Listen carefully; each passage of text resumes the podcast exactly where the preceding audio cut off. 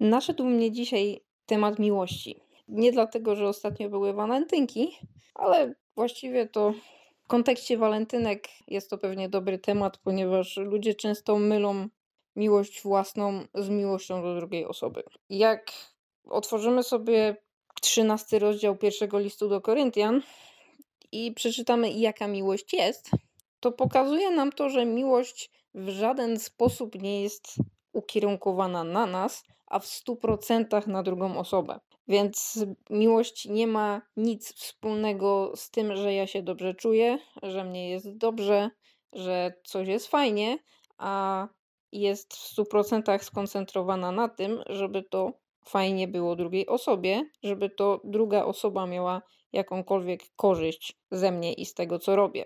I tak samo jak nasza miłość do innych ludzi ma się prawa z miłością naszą do Boga i Boga do nas. Jeśli chodzi o naszą miłość do Boga, to powinna ona być skoncentrowana nie na tym, żeby nam było dobrze, na tym, że jak chcemy spędzać czas Bogiem, to po to, żeby było fajnie, tylko na tym, żeby Bóg z tego miał jakąś korzyść. I Słyszałam nieraz, że Bóg nie ma żadnego pożytku z tego, że się modlimy. Właściwie to nie wiem, czy nie ma. Bo jeśli modlimy się tylko po to, żeby coś z tego mieć, oczywiście jeśli mówimy o modlitwie o nas samych, a nie o kogoś innego, no to taka modlitwa jest trochę bez sensu.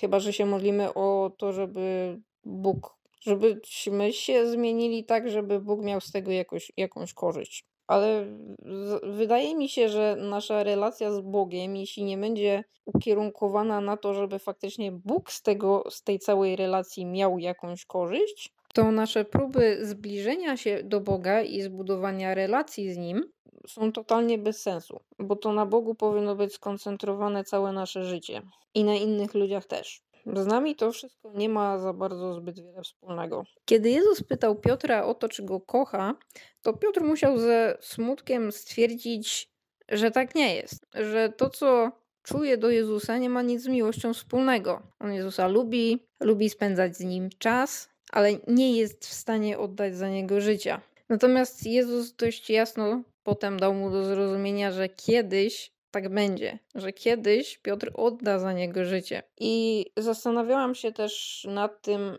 że miłość nie ma zbyt wiele wspólnego z mizianiem, z tym, żeby zawsze było fajnie. Właściwie często miłość jest bardzo trudna dla jednej i dla drugiej strony. Jak czytamy sobie Stary Testament, chociaż Nowy też często, to zastanawiamy się, z której strony Bóg kocha tych ludzi. Problem polega na tym, że Bóg kocha ludzi i wie, jakie są konsekwencje grzechu. Więc kiedy ludzie grzeszą, to Bogu w żaden sposób nie może zależeć na tym, żeby czerpali jakąkolwiek przyjemność, nawet z rzeczy, które w żaden sposób nam nie służą, a wręcz nam szkodzą. Jeśli Bóg nas kocha, a my robimy coś, co nam szkodzi, to Bóg nie będzie nas miziać, zachęcać, hej, ale może zrobimy coś innego. Jak ktoś idzie w przepaść, to się do niego nie mówi delikatnie, a może pójdziemy inną drogą, tylko się go ciągnie, a w ostateczności daje się mu w łeb i się go stamtąd wywleka po prostu. I to jest miłość. I zdarza się, że pewnych rzeczy nie jesteśmy w stanie w stosunku do drugiej strony zrobić, na przykład czegoś powiedzieć, dlatego że myślimy, że to tą drugą osobę zrani. Ale tak na dobrą sprawę to nie interesuje nas zazwyczaj ta druga osoba, co to, że my będziemy się z tym źle czuć. A w Biblii jest napisane, że kogo Pan miłuje, tego karze. I karanie w żaden sposób nie jest przyjemne ani dla jednej, ani dla drugiej osoby. Natomiast jest niezbędne do wychowania. Czy to dzieci, czy też dzieci bożych. I jeśli kochamy, twierdzimy, że kochamy drugą osobę, a nie jesteśmy w stanie zrobić czegoś tylko dlatego, że źle się będziemy z tym czuć, to nie jest to miłość. Jeśli nie jesteśmy w stanie umrzeć dla drugiej osoby, to z miłością nie ma to zbyt wiele wspólnego. Więc to, jak bardzo kogoś kochamy, pokazuje tylko i wyłącznie to, jak bardzo jesteśmy w stanie się dla tej drugiej osoby poświęcić, czy też dla Boga. Nasze uczucia nie mają tutaj zbyt wiele wspólnego z miłością. Ani to, jak jesteśmy dla tej osoby mili i nie wiem, nie ma to nic wspólnego z mizianiem, z tiutianiem i tego typu innymi miłymi rzeczami. Miłość zazwyczaj nie jest miła. I czasami, kiedy patrzymy na to, jak Boża miłość wygląda, to ciężko jest Boga zrozumieć, naprawdę ciężko, ponieważ nie rozumiemy najczęściej Jego motywacji. To tak samo jak dzieci nie rozumieją motywacji rodziców, kiedy rodzice w jakiś sposób je karzą, czy w ogóle w jakikolwiek sposób się zachowują, bo nie chodzi tylko o karanie. to powoduje, że mamy problem z zrozumieniem Boga i całej te, tej koncepcji miłości. I też często słyszymy, że kiedy Bóg nam coś daje, to nie po to, żebyśmy zatrzymali to dla siebie, ale po to, żebyśmy się z tym dzielili z innymi. I znowu można by pomyśleć, że w takim razie to Bóg nie daje mi tego dlatego, że mnie kocha, tylko dlatego, że mu zależy na innych, którym mam to dać. I znów właściwie ta sama zasada. Bóg wie, że lepszą rzeczą jest dawać niż brać. I wie, jak, jakie skutki będą tego, że my będziemy się tym dzielić, jakie skutki dla naszego życia, jakie błogosławieństwo, jaki wzrost duchowy i inne dobre rzeczy dla nas będą się z tym wszystkim wiązać.